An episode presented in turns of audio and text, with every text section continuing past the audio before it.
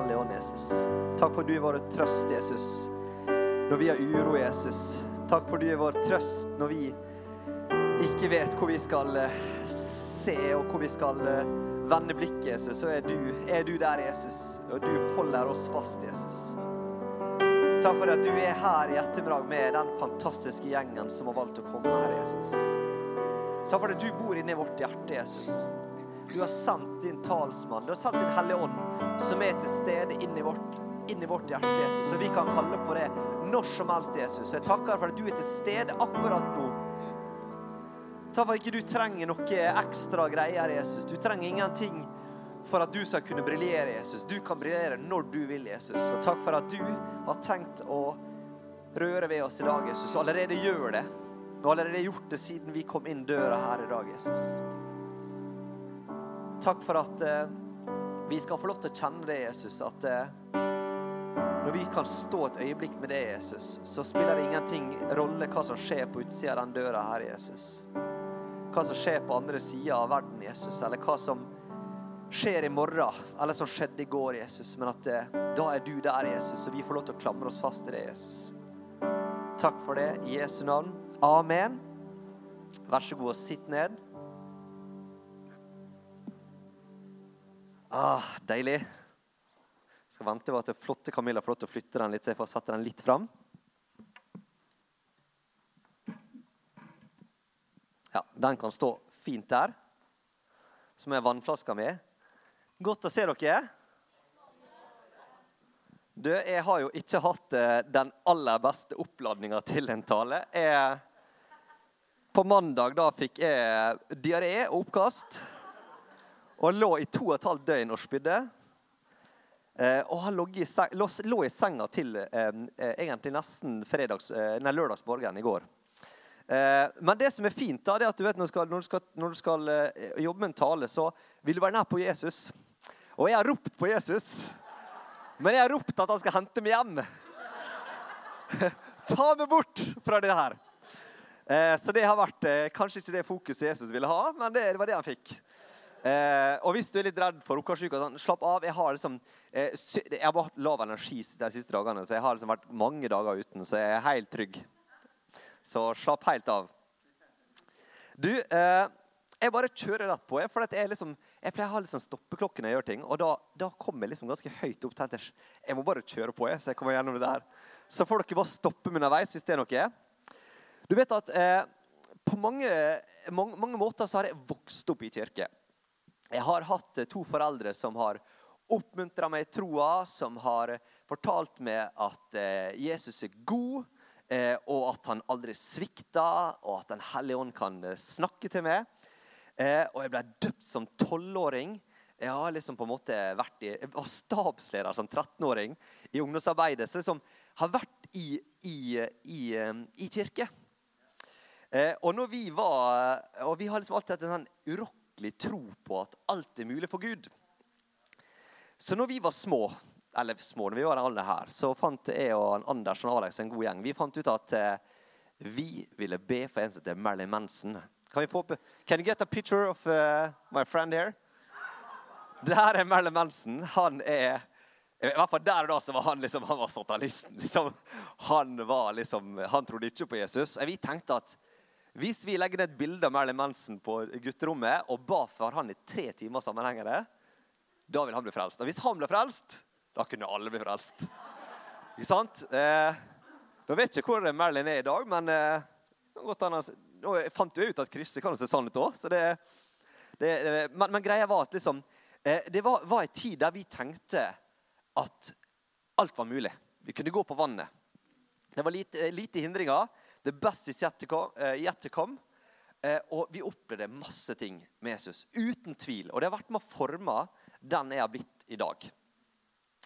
Men i dag så tenkte jeg skulle være litt ærlig, for det er noe med det at eh, så går åra, da. Eh, og så får jeg barn. Nei da, det kommer litt senere. Eh, men du, åra går, og så får du litt erfaringer.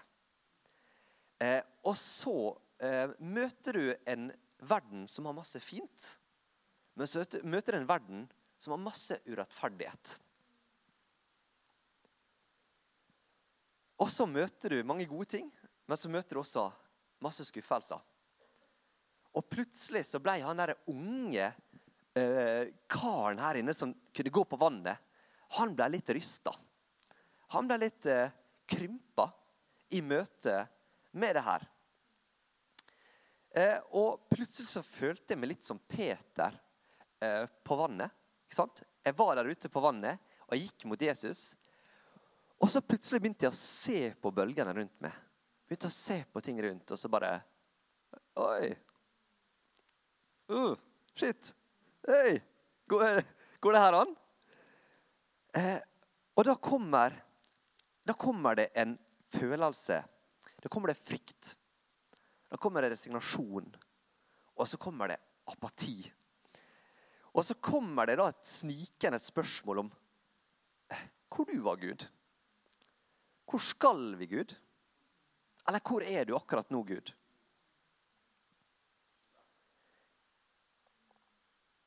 Og så kommer da frykten liksom inni meg. da. Oi, tviler jeg nå? Tviler jeg på at du, eh, at du kan gjøre det her, Jesus? At du faktisk eh, fins? På at du er ekte? At du er i stand til? Skal jeg bare ignorere det her, eller skal jeg fortelle det til noen? Eller hva, hva, hva gjør jeg med det her, liksom? Og så var ting liksom ikke like svart-hvitt som det kanskje var når jeg var liksom eh, 13-14 år. da. Eh, og, og, himmelen var ikke like himmelblå, og havet var ikke like stille. Det var liksom noe som hadde skjedd. Og det som skjer da, det er at jeg begynner begynner å se litt rundt meg. Og jeg begynner å tenke Hva er det verden sier om meg? Eller hva tenker egentlig VG om meg? Hva tenker egentlig Instagram om hvordan jeg skal bruke tida mi? Ikke sant? Så begynner jeg å se på de tinga der.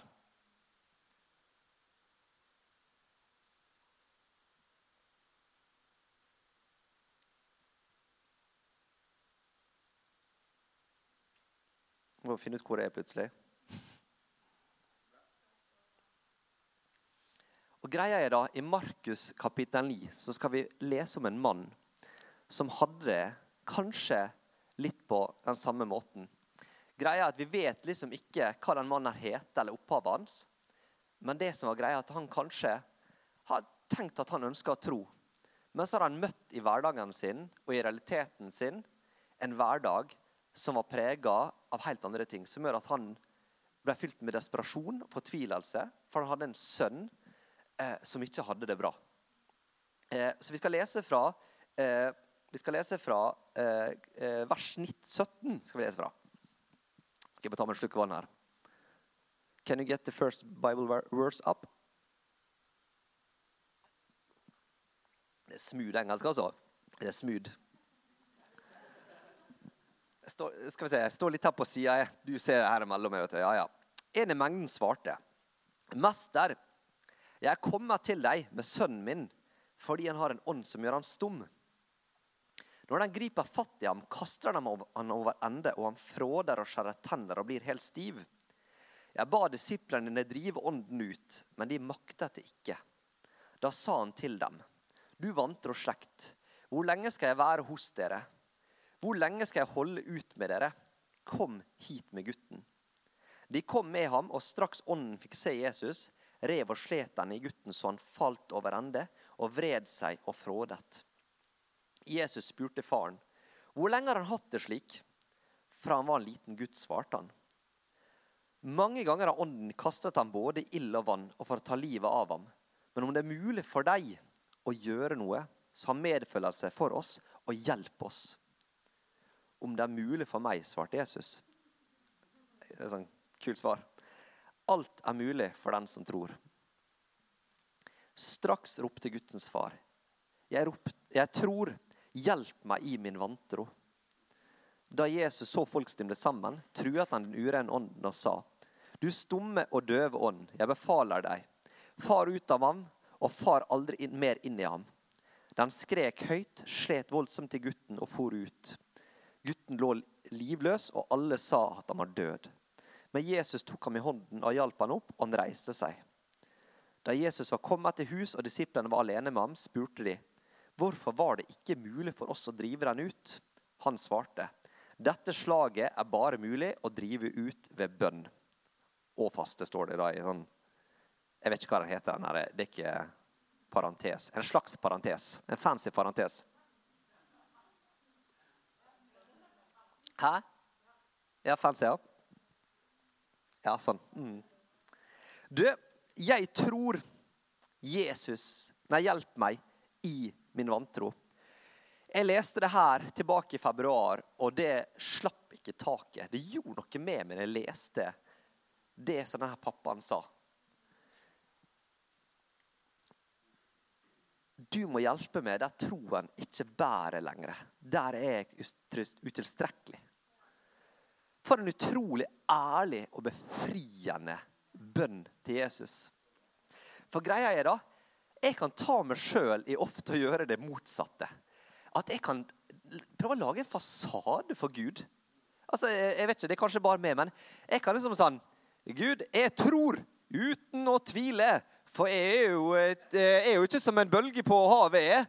Jeg går eh, gjennom bølga rett fram, og det er ikke tvil om det. Altså, skjønner du? Og jeg bare skaper en fasade. Det er noe med at jeg ikke vil vise den ekte tinga som er på innsida. Hvorfor tar jeg ikke de spørsmålene, de tinga som bobler her inne, og snakker med henne om det? Og da når jeg leste den, så bare Det satt et støkk i meg.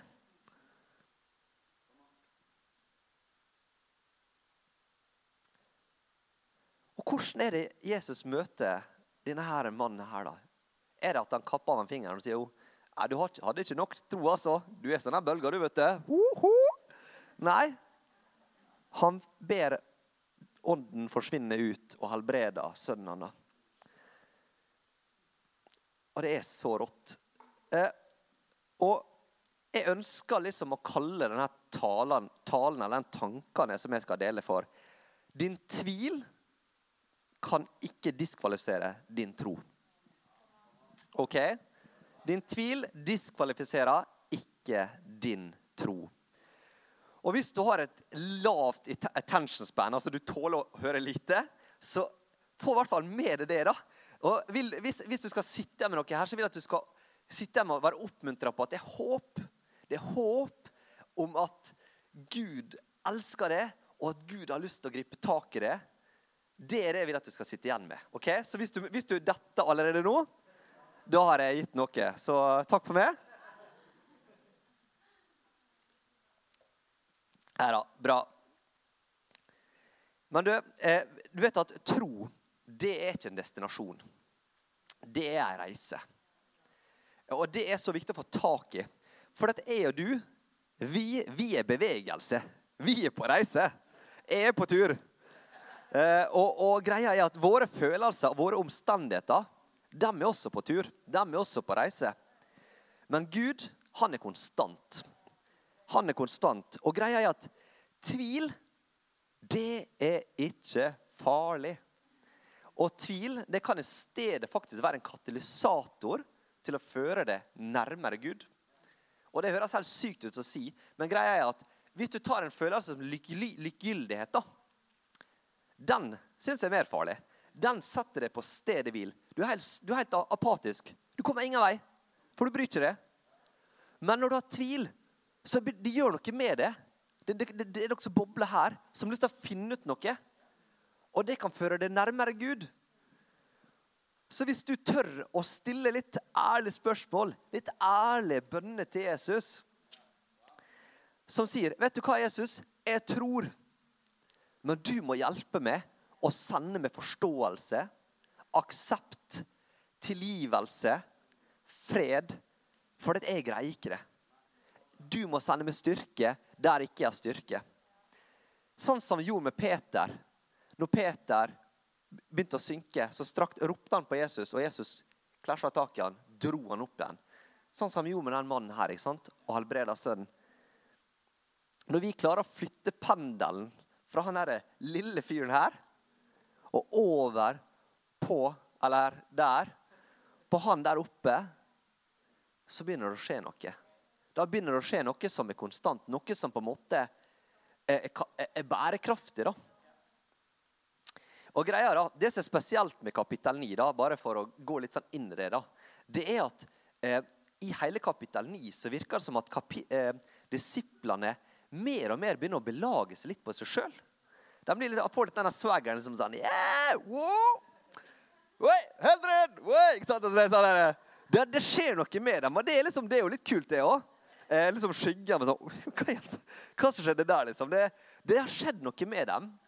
Men det har skjedd noe med dem på en kanskje en ikke-positiv måte. Eh, og disiplene som har vært så nær på Jesus, de begynner å gjøre ting i egen kraft. De begynner å prøve å gjøre ting i sin egen tro. Og så ser du at de på slutten av det vi leser i stad, så sier liksom disiplene Hvorfor klarte ikke vi å liksom, Hvorfor klarte ikke vi å, å, å, å, helbrede den onde ånden? Og jeg tror ikke Jesus peker på at den ånden her var sånn superspesiell. For det er litt andre steder at liksom, andre ånder som virker enda heftigere enn denne her. Så greia virker som at Jesus sier det her kan bare skje gjennom bønn. Ved å feste fokus på meg. Dere må gjøre dere avhengig av meg. Dere må ikke, miste, dere må ikke la pendelen flytte tilbake igjen til, til andre sida.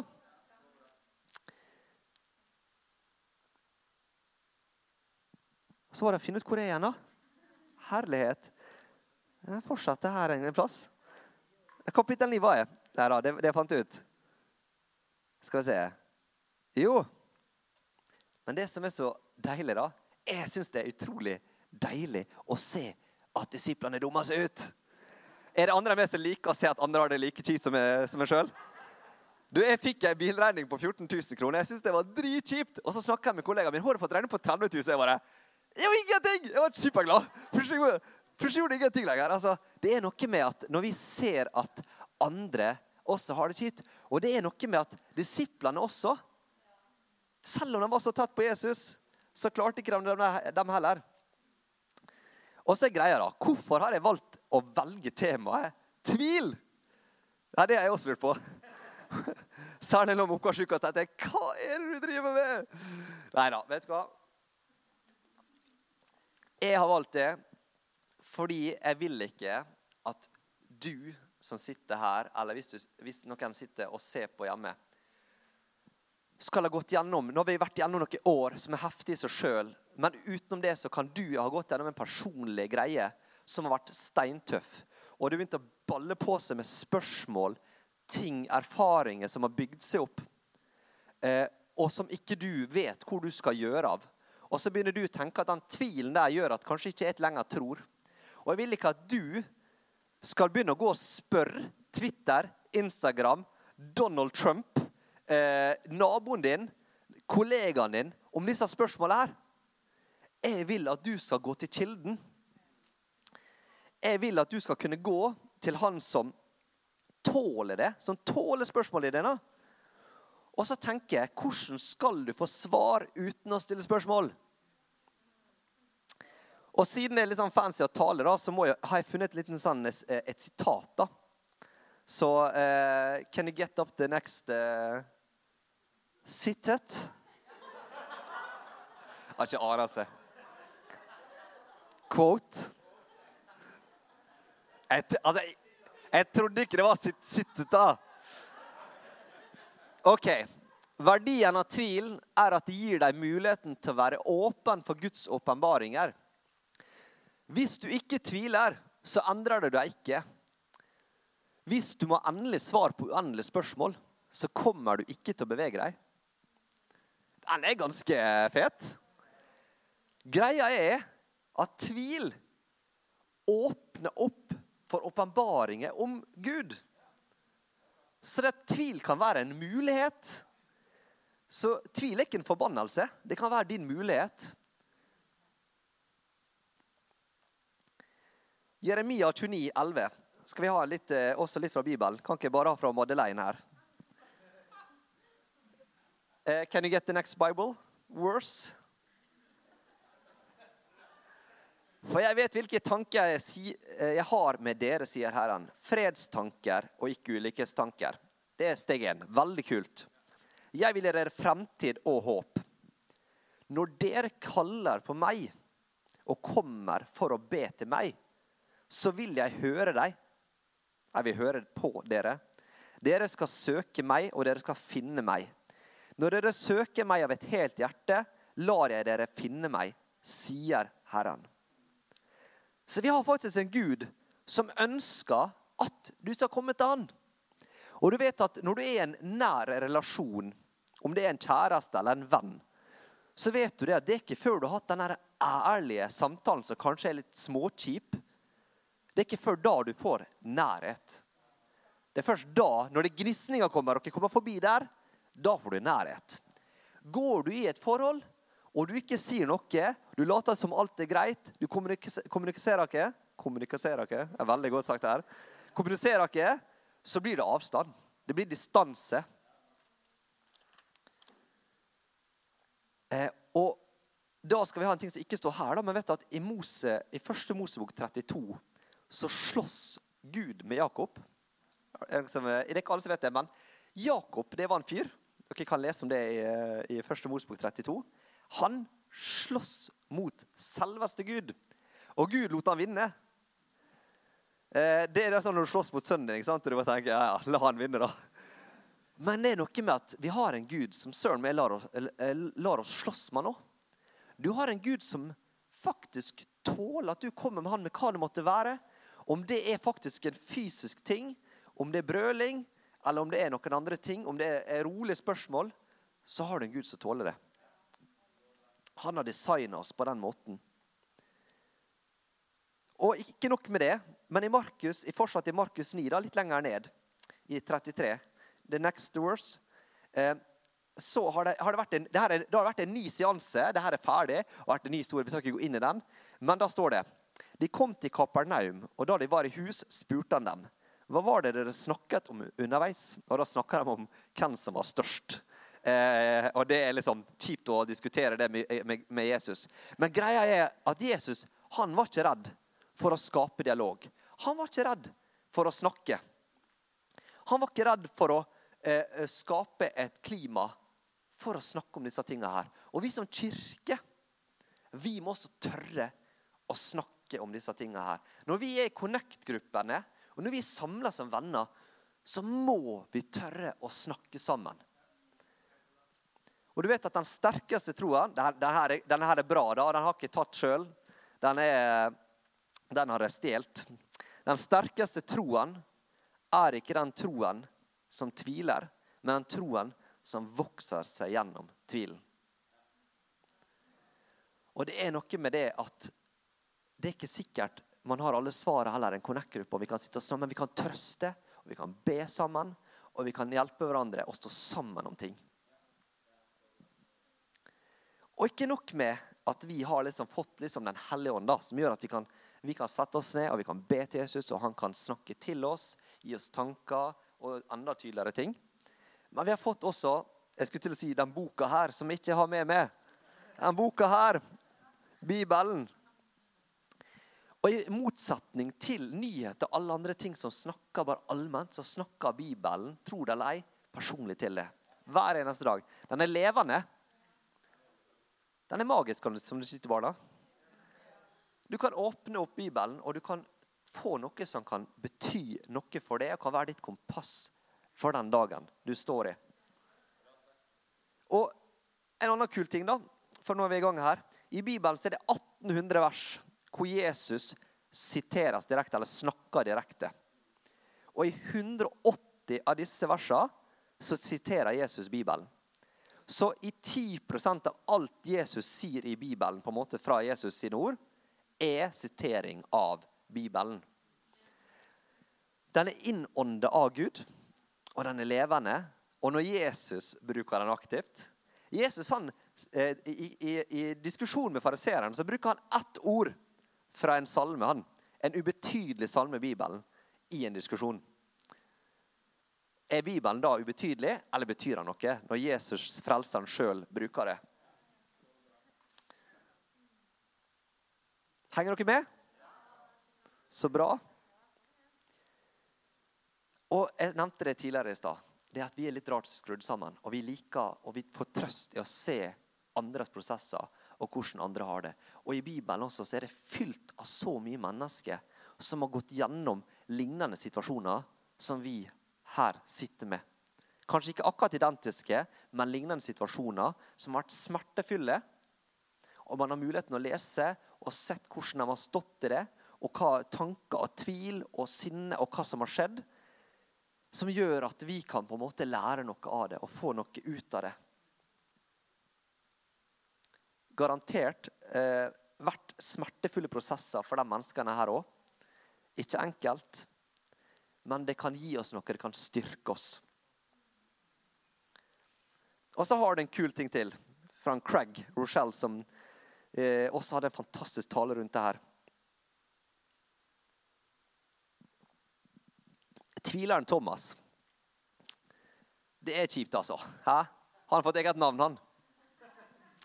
Liksom, Tvileren Christer. Hallais, tvileren Christer! Har du tvilt litt i det siste? Han har fått et så ufortjent rykte. Fordi at han var ikke der når Jesus kom tilbake. Og han ville se det med sine egne øyne. Men greia er at Thomas han ble møtt av at Jesus kom og sa, 'Kom an, legg hendene dine her. Kjenn, kjenn sårene mine.' Og etter at Thomas fikk lov til å gjøre det, så så han seg aldri tilbake. Han så seg aldri tilbake. Og vet du hva? Han var så uredd han, at eh, Thomas han døde som martyr. Han døde etter å ikke ville fornekte eh, Jesus så døde han av et spyd. Sånn at tvilen det var bare en del av reisa. Det Det var bare en del av prosessen som tok han gjennom på andre sida. Men Jesus han lot ikke Han lot ikke eh, Thomas få lov til å gå vekk. Og det er det som vil knuse Jesus. Det er hvis du får lov til å stå med den pailen med ting, og så snur du det bort og så går du bort. Og så lar du aldri han få muligheten til å ta tak i de tinga du måtte stå i, da. Og så er det så perplekst og paradoksalt at det er nok ikke før vi på, måte, på en måte, Når vi leser Bibelen, så er det masse paradoksale ting. Vi, det er liksom Gud som løve. Det er Gud som lam. Det er så mye ting vi ikke forstår. Og sånn er det her i, i, i verden òg. Og det er ting vi ikke forstår i gudslivet vårt. Og det er ting vi kanskje må lære oss å akseptere. Det er ting, det er sår som vi må bære med oss. Det er ting som, som kanskje ikke vi vil se en endring på. Men vi har fortsatt en Gud som er konstant, og vi har en Gud som elsker oss.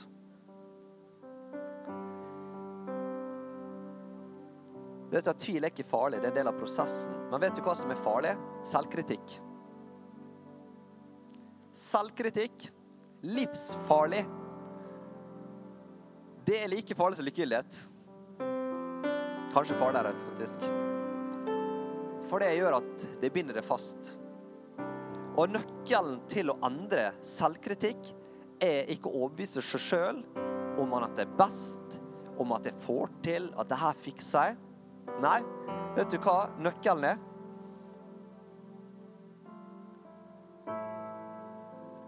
Det å la Gud få hjelpe oss å se at han er så stor at våre feil og mangler ikke har sjanse å overgå hans kraft og kjærlighet.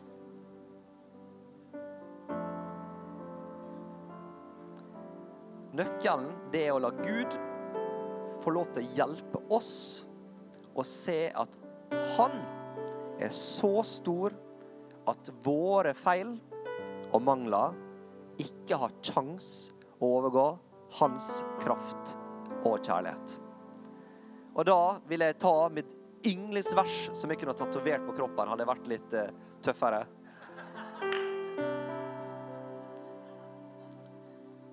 Romerne 8, 38-39. Can you get the last word, uh, words up? Og jeg bare ønsker at uh, du nå skal bare, når vi leser det byverset det her er så vanskelig ord å fatte. Da. Jeg forstår det. Og det, det, er sannsynligvis en prosess. Det er ikke sånn at du kanskje går ut her i dag og tenker jeg, I got, got it. Men, men, bare prøv å få prøv å få tak i det, og prøv å ta det med deg inn i hjertet ditt.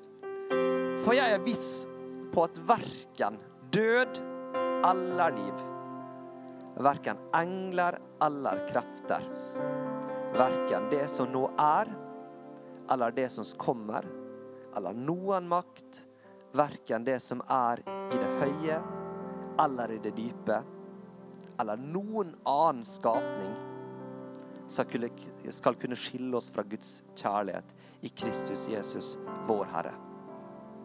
Du, kan ikke vi røyse oss? Skal vi bare be sammen på slutten her? Skal lovsangsteamet få lov til å komme opp? Takk, Jesus, for at du aldri har lyst til å være på distanse, Jesus. Takk for at du gråter og gleder deg over disse fantastiske menneskene i salen, og du ser hver enkelt av dem som dine barn. Takk for at, eh, at denne talen her skal være til oppmuntring, Jesus. Ikke til nedtrykkelse, men en oppmuntring på at det er håp, Jesus. På at du er med i de kampene som de måtte stå i. At tvilen er bare en del av prosessen av de spørsmålene de måtte ha, Jesus. Du har lyst til å være der for dem, Jesus. Du har lyst til å være der, og du har lyst til å slåss med dem, Jesus. Du har lyst til å snakke med dem, du har lyst til å gråte og le med dem, Jesus. Takk for at du kan begynne en helbredelsesprosess, Jesus, på innsida. Takk for at ikke vi alle svarene nå, Jesus, men at du, Jesus, du har lyst til å komme, og du er her akkurat nå, Herre. Takk for at Ditt ord, Jesus, er nok for oss, Herre. Og din kraft er nok for oss. Og takk for at eh, selv om ting er overveldende akkurat nå, Jesus, så vet vi det at vi kan klamre oss fast til det og stole på at jeg kommer hit, Jesus, men du kan hjelpe meg videre. Du må bygge broa videre, for jeg, jeg når ikke lenger. Takk, Jesus. Takk, Jesus. Amen.